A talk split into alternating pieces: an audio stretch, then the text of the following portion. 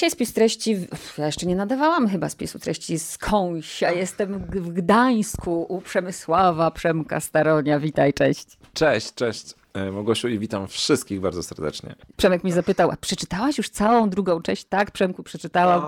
Mowa o drugiej części. Szkoły bohaterek i bohaterów. W ogóle zdziwiło mnie to pytanie, czy przeczytałaś całą. No w ogóle to, to się, słuchaj, to się czyta na raz. Znaczy, no, ja się oczywiście bardzo cieszę, ale też mam świadomość, że e, ten drugi tom jest dłuższy niż pierwszy i on też jakby dotyka takich trudniejszych zagadnień. Gdybym ja sam czytał, to podejrzewam, że no, czytałbym ją pewnie dłużej. Dlatego wszyscy ci, którzy już ją przeczytali, bo mam wrażenie, że wiele osób cały czas ją czyta. Ludzie mi tam piszą, Boże, jestem na przykład, nie wiem, na ósmym rozdziale i, i w ogóle leżę na, rozłożona na łopatki, w ogóle coś takiego. Więc to jest dla mnie super wow. E, Jakby jak ktoś mówi, że już przeczytał, to ja mam takie, o ja, w ogóle Bo tutaj dopowiem. Po pierwsze, y, ja zawsze czytam z ciekawości, z zachłanności, bo ją można i przeczytać, ale potem czytać. Bo to jest książka też, którą można potraktować po prostu do pracy. Bardzo ważna rzecz jest dla mnie taka, i ty to podkreślasz we wstępie swojej książki, że zaryzykuję takie stwierdzenie, bo wszyscy tylko mówią, że pandemia to samo zło, a ja myślę, że ta pandemia jest w związku z tą książką czymś w rodzaju prezentu. Kurczę, no myślę, że każde wydarzenie w naszym życiu, zresztą no, nie odkryję tutaj Ameryki, e, bo mówią o tym filozofowie, filozofki, psychologowie, psycholożki od stuleci. Każde wydarzenie w naszym życiu, ono nas do czegoś zaprasza, tak? Ono nie ma w sobie, nie wiem, dobra albo zła. Tak? No bo to wszystko zależy od naszych oczekiwań. Ja zawsze mówię, że jeżeli ktoś boi się lecieć samolotem e, i odwoła mu się y, przez to lot na urlop, no to on może poczuć radość, gdzie większość ludzi będzie czuła po prostu wielki zawód, rozczarowanie i tak dalej, nie? Więc tak naprawdę wszystko ostatecznie zależy od nas, jakie mamy oczekiwania w stosunku do rzeczywistości i tak dalej. I ja powiem szczerze, że pandemia jest właśnie takim doświadczeniem. Doświadczeniem, które po prostu jest. To, jak my ją przeżywamy, jak przeżywamy też wszystko to, co się z nią wiąże, e, jej skutki, e, załóżmy, no powiedzmy, czy te lockdowny, czy tę edukację zdalną, czy przeformułowanie celów, no to bardzo zależy po prostu od tego, co w nas jest. I teraz są tacy ludzie, dla których pandemia okazała się wybawieniem, a są tacy ludzie, dla których okazała się po prostu dramatycznym problemem i przeszkodą do przebycia. Natomiast ja staram się pokazywać w swoich książkach i w całej swojej działalności, że niezależnie od tego, co cię spotyka, bo na to de facto często nie masz wpływu, z reguły nie masz wpływu, możesz odnaleźć jak najlepszą reakcję na to, tak? I po prostu wykorzystać nawet najtrudniejsze doświadczenie do zbudowania czegoś totalnie wspaniałego i pięknego. Tak fajnie piszesz w tej książce. Będę mówić o swoich odczuciach, bo tak, od razu to słuchaczom podpowiadam, że to nie jest tak, że trzeba czytać najpierw książkę pierwszą, a potem drugą. Można zacząć od tej drugiej. Aczkolwiek wyjaśniasz to w ten sposób, że w tej pierwszej dałeś nam różdżkę. E, Jeżeli ktoś powie, a nie przeczytam jedynki, przeczytam dwójkę, to co go ominie?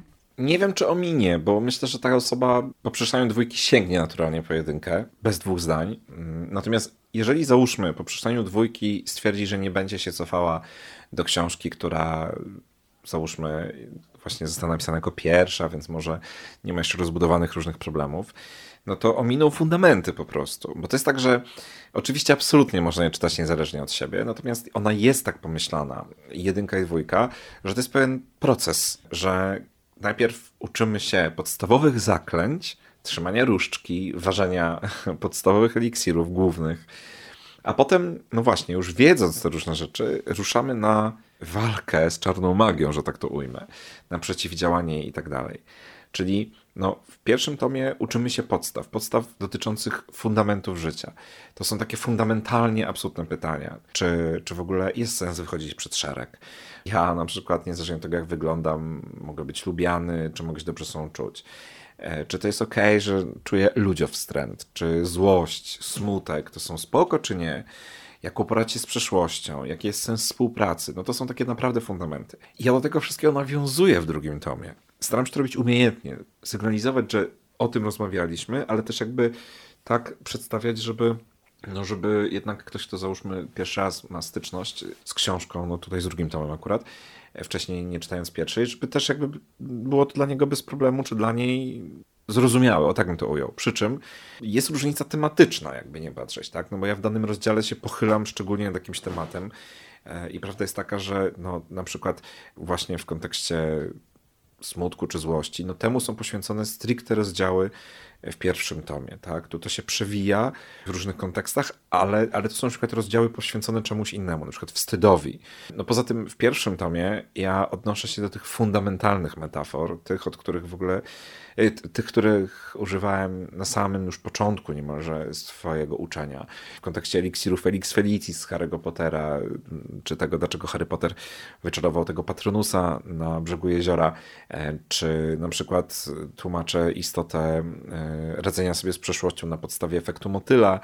E, no tego po prostu już w drugim tomie nie będzie, więc no ale znowu, ja za, absolutnie nie mam żadnego ciśnienia z tym związanego. Ja zapraszam do podróży. Wierzę, że i nawet wiem, że no, podróżować można naprawdę na różne sposoby. Tu jest milion, no milion przesadziłam, ale tu jest bardzo dużo wątków e, i, e, i bardzo dużo ciebie. I zastanawiałam się, no coś muszę wybrać, bo rozmowa jest 20-minutowa, więc wybieram coś, co jest moje jakby i blisko, czyli dużą jakby część tej książki poświęcasz kobietom. Wyjdźmy od tej um, cudownej pipi, której zazdroszczę. No, no, dobrze, możemy od niej wyjść. Bardzo chętnie. E, to znaczy, no, ja mogę powiedzieć e, coś takiego, że dla mnie jest oczywistą sprawą, bo się tym cały czas zajmuję, że trzeba robić wszystko, aby równość stawała się faktem aby przeciwdziałać dyskryminacji w jakiejkolwiek postaci, hejtowi, wykluczaniu itd. Tak no i rzeczywiście, no niestety, kobiety są bardzo, bardzo cały czas niejako aktualne e, ich sytuacja, e, zarówno dorosłych kobiet, jak i dziewczynek. Z różnych powodów, zresztą to jest jakby udowodnione, już ja to trochę przytaczam w drugim tomie, e, chociażby w kontekście feminatywów, i że to naprawdę ma sens. Ja się tutaj posługuję tym, co napisał Marcin Napiórkowski, ale naprawdę jest wiele już takich danych, które pokazują, mm, są książki nawet powstają, teraz właśnie ta o niewidzialnych kobietach i o niewidzialności kobiet, że naprawdę to realnie wpływa, y, ta niewidzialność, y, sprowadzanie wszystkich, jakby tak, takie machanie ręką, a po co tam, niezależnie od tego, jak nazwiemy, to i tak wiadomo o co chodzi, że powiem, nie wiem, kobieta pilot, a nie pilotka. No, że to po prostu wpływa na życie i zdrowie kobiet, nie? Poza tym faktem jest, że rzeczywiście no, książka jest o radzeniu sobie z życiem, ze złem i prawda jest taka, że osoby, które doświadczają różnego rodzaju trudności, tutaj myślę właśnie kobiety, no, potrzebują naprawdę takiego szczególnego wsparcia i solidaryzowania się z nimi w taki mądry sposób. Ja się staram jakby wytłumaczyć istotę tej dyskryminacji, też pokazać, że dziewczyny naprawdę umieją sobie radzić, w różne, znaczy w ogóle po prostu, no, często wiedzą, co robią, e, wbrew pozorom, no, że tak powiem, e, temu, co myślą różni przedstawiciele takiego e, niezbyt przyjemnego czegoś, czym jest patriarchat.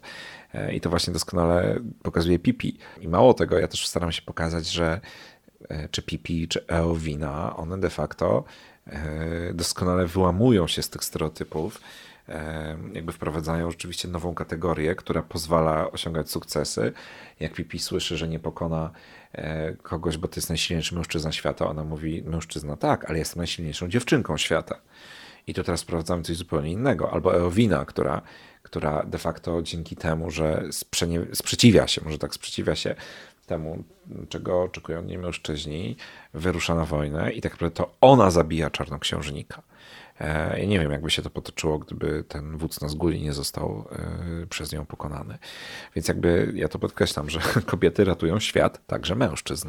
Ja pamiętam, jak myśmy ostatnio w rozmowie o tych feminatywach rozmawiali, wydarzyło się coś takiego, nawet właśnie znów wraca Sylwia Hutnik, zobacz w tej rozmowie, bo mm, pamiętam, że tuż przed wywiadem z nią dostałam mail od słuchaczki, która y, zarzuciła mi, że używam właśnie słowa gościni i powiedziała coś takiego, napisała coś takiego, że uważa to za wyraz jakichś moich kompleksów i w ogóle kompleksów kobiet. Nie? No i tutaj wywiązała się ta dyskusja i tego, że właśnie kobiety tak długo musiały walczyć o swoje miejsce, że one teraz właśnie, no jak mówi się o nich dyrektorka, to czują, że to jest prawda, coś niższego niż pani dyrektor. Nie na takiej zasadzie. To jest w ogóle niesamowicie ciekawy temat. I ja, wiesz, zadam ci takie pytanie, Uwielbiam też to przełamywanie u ciebie. Jakby, jakby ta książka nazwała się Szkołą Bohaterów i Bohaterek. Nie myślisz, że byłoby a dlaczego nie pierwsze kobiety?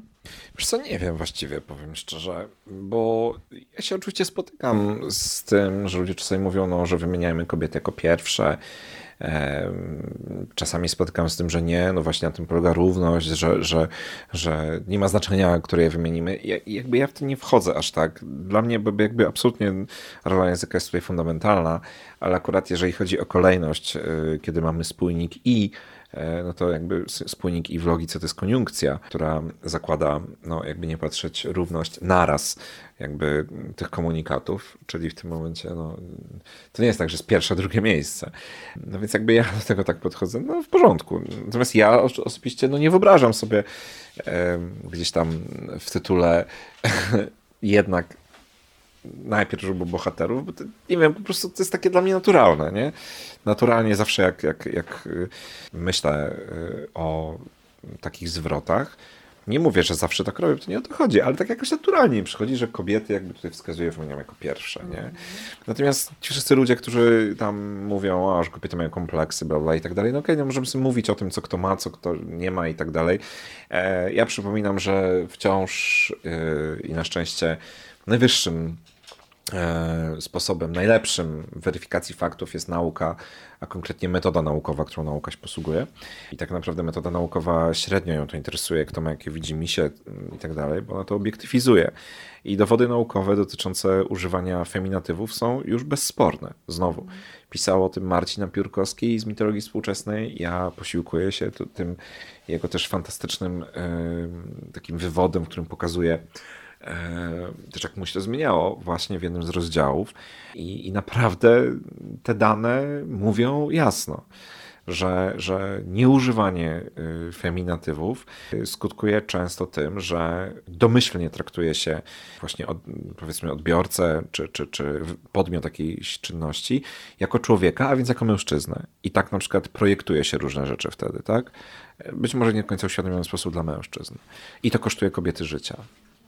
Powiedz bardzo krótko, naprawdę, jakie pojęcia tłumaczysz w, drugiej, w drugim tomie? Znaczy, ja powiem szczerze, że ja się bardzo cieszę, że wytłumaczyłem tutaj dzięki też różnym konsultacjom takie pojęcia jak y, chociażby orientacja psychoseksualna, jasno, czy na przykład neuroróżnorodność, nieneurotypowość, czy tranzycja, bo prawda jest taka, że zupełnie inaczej się o tym rozmawia, kiedy mamy rzetelną, twardą wiedzę, a nie co mi się wydaje i tak dalej. Więc mega się z tego cieszę i cieszę się też, że wytłumaczyłem e, pojęcie, które jest e, absolutnie korowe i fundamentalne rozumu, rozumu sokratyjskiego, z Karla Popera wprowadziłem też rozróżnienia pomiędzy umysłem, e, rozumem, racjonalnością. Natomiast ja bardzo osobiście się jestem przeszczęśliwy, że wskazałem tam, e, czym jest e, krytyka konstruktywna, bo wiele osób totalnie nie rozumie tego, że większość komunikatów krytycznych, które formułuję, nie spełniają kryteriów krytyki konstruktywnej. Ja wiem, że ja dostaję zresztą już nieraz takie, takie właśnie mm, informacje od czytelników, czytelniczek, że, no, że właśnie to rozróżnienie, zobaczenie tych aspektów, które, czy, czy jakby tych warunków, które muszą zostać spełnione, żeby w ogóle mówić o konstruktywnej krytyce, no dla nich było po prostu tak wielkie otworzenie oczu. Nie? Ja, drodzy słuchacze, kiwam głową. W ogóle jak Przemek mówi, to ja kiwam głową i jak no. czytałam te książki, to też tak kiwałam głową, bo to brzmi może bardzo um, poważnie i skomplikowanie, ale tłumaczysz to jak zwykle cudownie za pomocą fantastycznych tekstów. I teraz jeszcze widzisz, ja mam mnóstwo pytań, mało czasu. Jest coś takiego jak ja to naprawdę rozumiem, że właśnie trudne pojęcia najlepiej tłumaczyć na czymś prostym, na czymś właśnie takim namacalnym. Pamiętam Twoją historię z, z modą na sukces i Twoimi początkami. Uważam, że świetnie. I teraz uwaga, część, część już doszła do tego i korzystają z tego. I na przykład widzisz, na języku polskim są teksty kultury, ale od razu, jak jest matura, to mówią ale słuchajcie, nie wolno odwoływać się do M jak miłość czy mody a sukces. To nie jest tekst kultury. I wtedy jak czytam twoją książkę i myślę, czy, czy, to jest w ogóle możliwe, słuchaj, czy to jest możliwe, żeby to przełamać? Bo ta książka bardziej chyba niż dla dzieciaków ja to tak rozumiem, to powinna być właśnie dla, dla dorosłych, bo od nich się zacznie, bo jak oni nie przewrócą sobie mentalnie w głowie różnych rzeczy, to, to nic się nie zmieni. Tak, ja bardzo często zresztą podkreślam, że y, istotą tego wszystkiego jest y, to, że książka moja, gdzie książki są de facto uniwersalne, tak? I to zarówno korzystają z nich e, ludzie mm, wcześniej i później urodzeni. Natomiast e, co do tego, a propos tej matury, no, ja uśmiecham się, bo system edukacji w Polsce jest no taki, że mi słów brakuje w tym momencie, bo, bo nie chcę kląć na wizji, czy na fonii, czy jakkolwiek to nazwać. Jest to system, który nie ma żadnych podstaw naukowych. Już dawno tak naprawdę jest przez naukowców traktowany jakiś anachronizm i po prostu żenadę, że to wciąż funkcjonuje. E, no więc powiem krótko, dlatego właśnie robię wszystko, żeby ten system jakby wyregulować, bo to nie chodzi o jakąś, nie wiem, wielką teraz reformę strukturalną, to absolutnie nie w tym rzecz, to chodzi o to, żeby nastawić tę edukację na samej górze jak najlepiej. Dlatego, dlatego robię wszystko na wielu płaszczyznach, bo, bo, bo jakby to jest istota, nie? To jest istota, żeby ta edukacja była spójna z życiem i z czasami, w których żyjemy. Natomiast jeżeli młody człowiek nie może zacytować tekstu kultury, którym żyje, e, na maturze de facto z literatury i języka polskiego, czyli na maturze z czegoś, co się zajmuje tekstem jako tekstem, w ogóle po prostu tekstem i zajmuje się językiem, którym wszyscy pływamy, jest naszą rzeczywistością, no to błagam, to o czym my tu mówimy? Ty masz coś takiego, że jak ci mówią, bo na pewno ci mówią, nie wierzę, że nie, o Przemek, walczysz z wiatrakami i tak dalej, to ty wtedy co myślisz? Nie mówię, no okej, okay, no dobrze, no jakby spoko, dziękuję. A teraz... I robię swoje. No tak, no ja jakby myślę sobie, znaczy to w różnych kontekstach oczywiście się zadziewa, nie? Ale gdy miał to jakoś tak ucieleśnić, to moja reakcja jest mniej więcej taka, okej, okay, no dziękuję, teraz mam prośbę, jak możesz to, weź tylko się przesuń, bo chcę przejść, żeby to tam dalej robić. No jakby błagam, no, no po prostu to jest, ja to jako psycholog doskonale wiem, czym jest poczucie włóczonej bezradności, też poczucie własnego sprawstwa i jakby kluczem e, no, jakiejkolwiek zmiany e, jest to, żeby zmieniać. Tak samo jak e, kluczem e, tego, żebyś coś zadziało, jest to, żeby, żeby działać. I tyle. I ja zawsze tutaj też cytuję Margaret Mead, która powiedziała, że naprawdę nigdy nie wątpię, że mała grupa zaangażowanych, troskliwych, ja tu trochę to rozszerzam, takich naprawdę no, chcących zmienić świat, rzeczywistość, popchnąć chociaż milimetr do przodu, że taka grupa ludzi e, nie, nie jest w stanie zmienić świata, bo prawda jest taka, że świat właśnie dokładnie tylko w ten sposób, tylko dzięki takim ludziom był zmieniany. No. Więc jakby jeżeli ktoś twierdzi, że walka z wiatrakami, w porządku, no mówię, niech sobie twierdzi. A teraz niech pozwoli mi tutaj przejść, tam otworzyć kolejne drzwi. Od razu mi się przypomina, jak pilchem jedziesz w książce mówiąc, no dręczą udręczeni. Ale to dokładnie o to chodzi. Jakby ja już dawno zobaczyłem, co zresztą znajduje wyraz chociażby właśnie w tych książkach.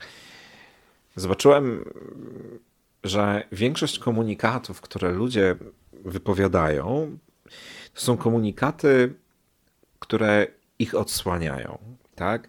Co ciekawe, ja nie wykorzystuję tego tak przeciwko, na zasadzie, aha, dobra, teraz już zdobyłem wiedzę tajemną, będę manipulował ludźmi teraz.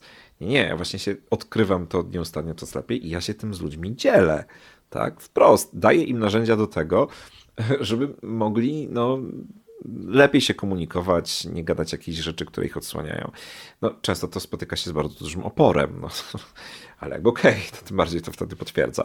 Natomiast jakby chodzi o to, że no, ja serio gdzieś tam często to zauważam, cieszę się, że coraz więcej ludzi to łapie, że jakakolwiek niekonstruktywna krytyka, walenie w kogoś, tak, no po prostu jest wieszaniem sobie kartki na szyję, że mam z tym problem. Jeżeli ktoś mi mówi, o matko, tak, tutaj taki celebryta, Boże, takie wielkie ego, to, to, to jest osoba, która, ona de facto mówi o sobie, tak? O to tu chodzi. Jeszcze jest jedna kwestia, bo ty podajesz tam nawet w punktach, y, punktujesz właśnie te, mm, jak się ochronić przed tym złem. I jest ten jeden punkt, który dla mnie jest kluczem, dajesz go na samym końcu. Bo my w ogóle ludzie myślimy, że że to się wszystko samo stanie, nie? A jednak na końcu jest ta samodyscyplina, nie? Że jeśli nie będę w samodyscyplinie, jeśli nie będę nad tym wszystkim pracować, to nic się nie stanie i ja będę stała w miejscu. I teraz, wiesz, to jest najtrudniejsze, nie? Bo to ode mnie zależy. Ale oczywiście, że tak. I to jest to samo na przykład e, w kwestii wyglądu, diet, siłowni i tak dalej. Kiedyś mi ktoś tak fajnie powiedział, że e, Dlaczego paradoksalnie wiele osób właśnie narzeka, że nie wygląda tak jak i trudno im się zabrać, albo nie wiem, jakiś efekt jojo? No właśnie dlatego, że pojawia się tutaj kluczowa sprawa, czyli jakby powtarzanie, ćwiczenie, trening, wiążący się oczywiście też z pewnego rodzaju właśnie samodyscypliną. No a to już jest często takie właśnie najtrudniejsze. I e, ja oczywiście cały czas podkreślam, że my jesteśmy jednością psychofizyczną, tak?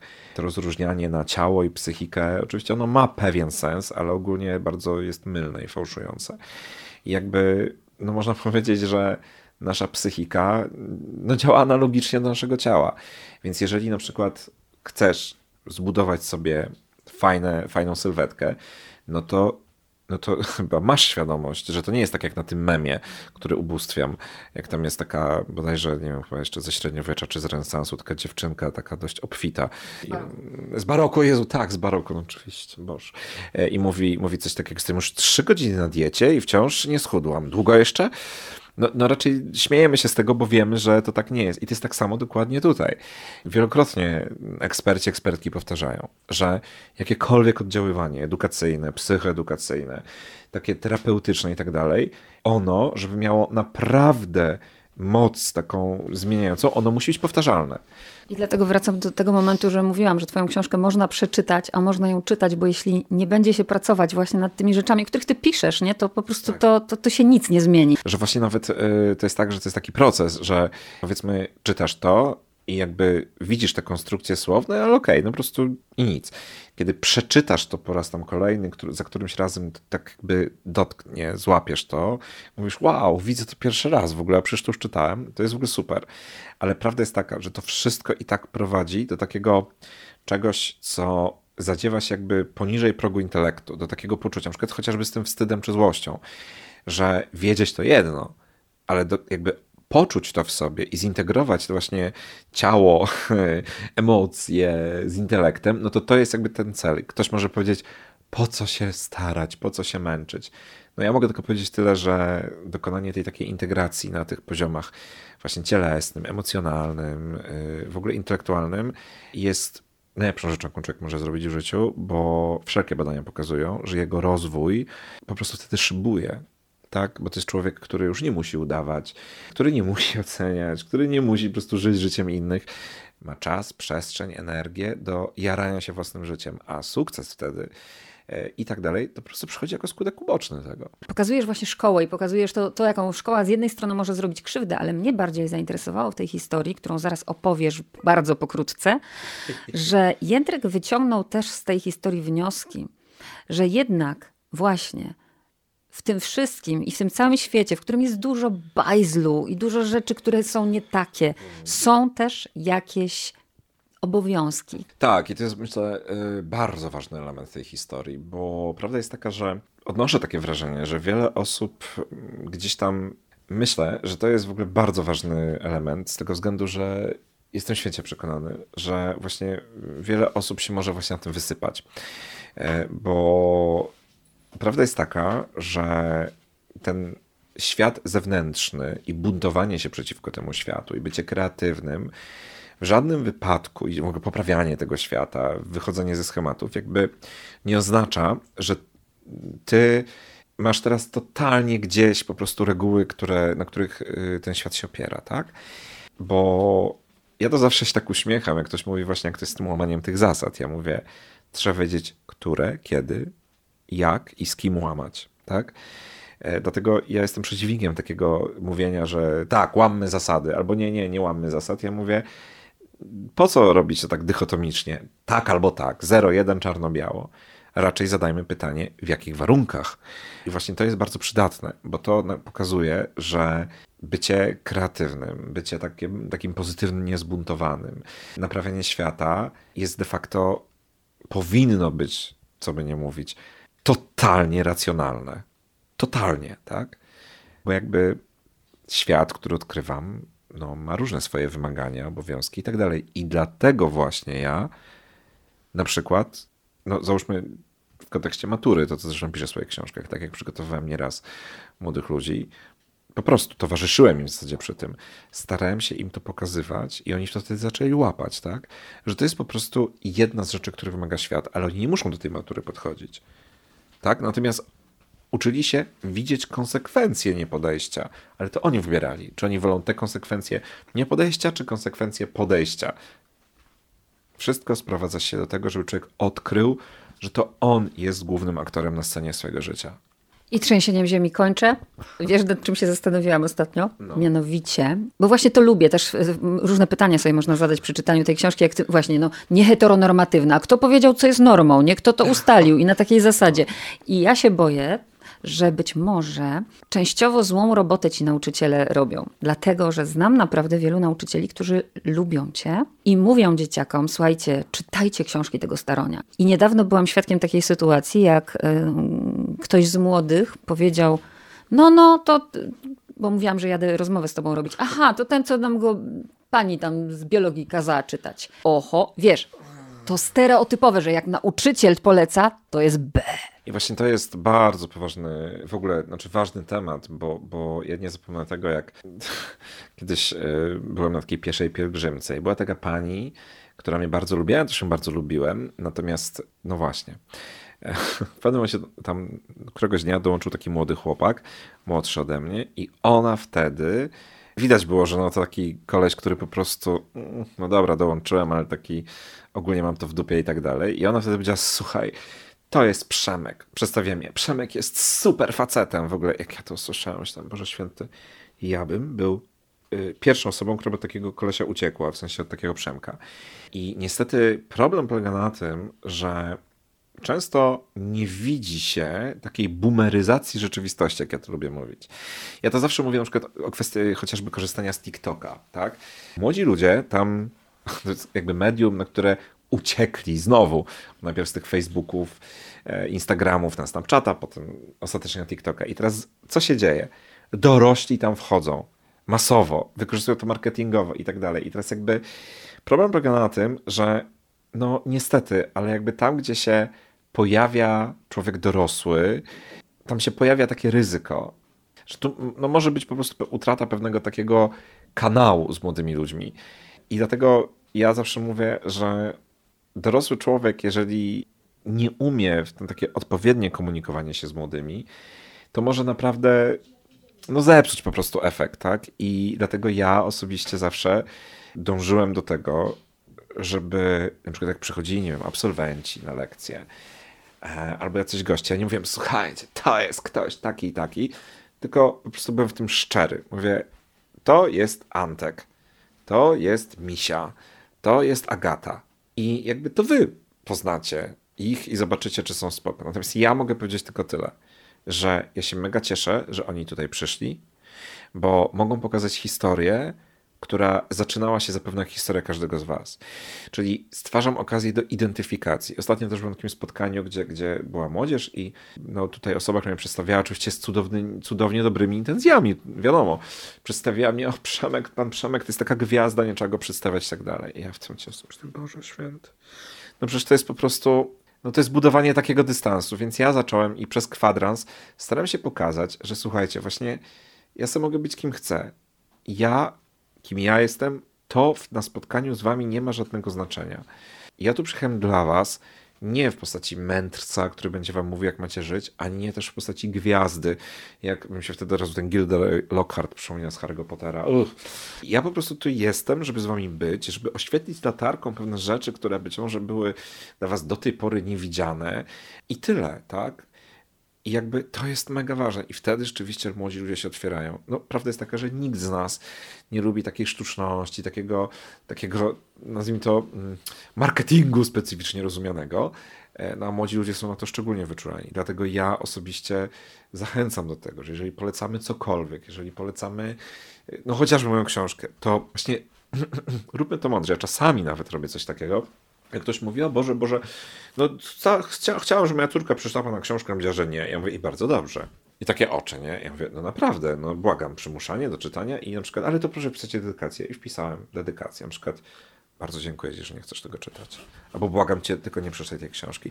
Bo jakby ja rozumiem, ja naprawdę totalnie rozumiem tych młodych ludzi. Nie myślę o różowym słoniu. E, Dokładnie, ja, ja totalnie to kumam.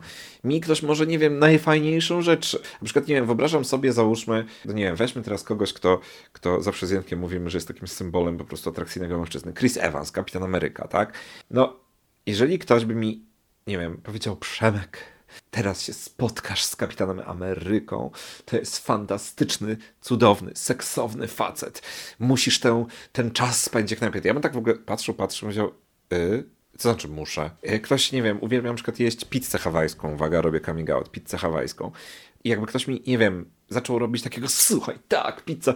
No po prostu by takie rzeczy odrzucają. I o tym też piszesz w swojej książce. Dokładnie o to chodzi. Ostatnie zdanie powiem tylko, dlatego ja zawsze mówię, jak niektórzy mówią, ta książka powinna być lekturą szkolną. Ja mówię, bardzo miło, ale y, dziękuję, nie. Bardzo Ci dziękuję, Przemku. Przede wszystkim, że wpuściłeś mnie do swojego królestwa, że dałeś się zabrać nad morze i za ten czas pięknie dziękuję. Warto było jechać 600 kilometrów. O, bardzo Ci dziękuję. I to jest naprawdę cudowne. W ogóle tyle tych naszych rozmów, też gdzieś tam off the record w ogóle, które pokazują, jak bardzo nasze dusze są pokrewne. To było naprawdę super. I ja powiem szczerze, mimo, że no dzisiaj tak wyszło, że tylko jeden jogurt jadłem na śniadanie i jestem już w trybie, e, że tak powiem, utraty kontaktu z rzeczywistością, ale jeszcze spokojnie, jeszcze, jeszcze parę minut, w razie czego mógłbym nie utracić kontaktu, to naprawdę mam poczucie niesamowicie spędzonego czasu i takiego, i to w ogóle, to jest niesamowite, że ktoś chciał tak zobaczyć to moje życie. Bo ja nieraz spotykam ludzi, którzy chcą w jakiś sposób skorzystać e, z jakichś fragmentów mojego życia. Natomiast ja naprawdę miałem takie poczucie, że ty chciałeś po prostu je zobaczyć. I za to ci bardzo, bardzo, Małgosiu, dziękuję.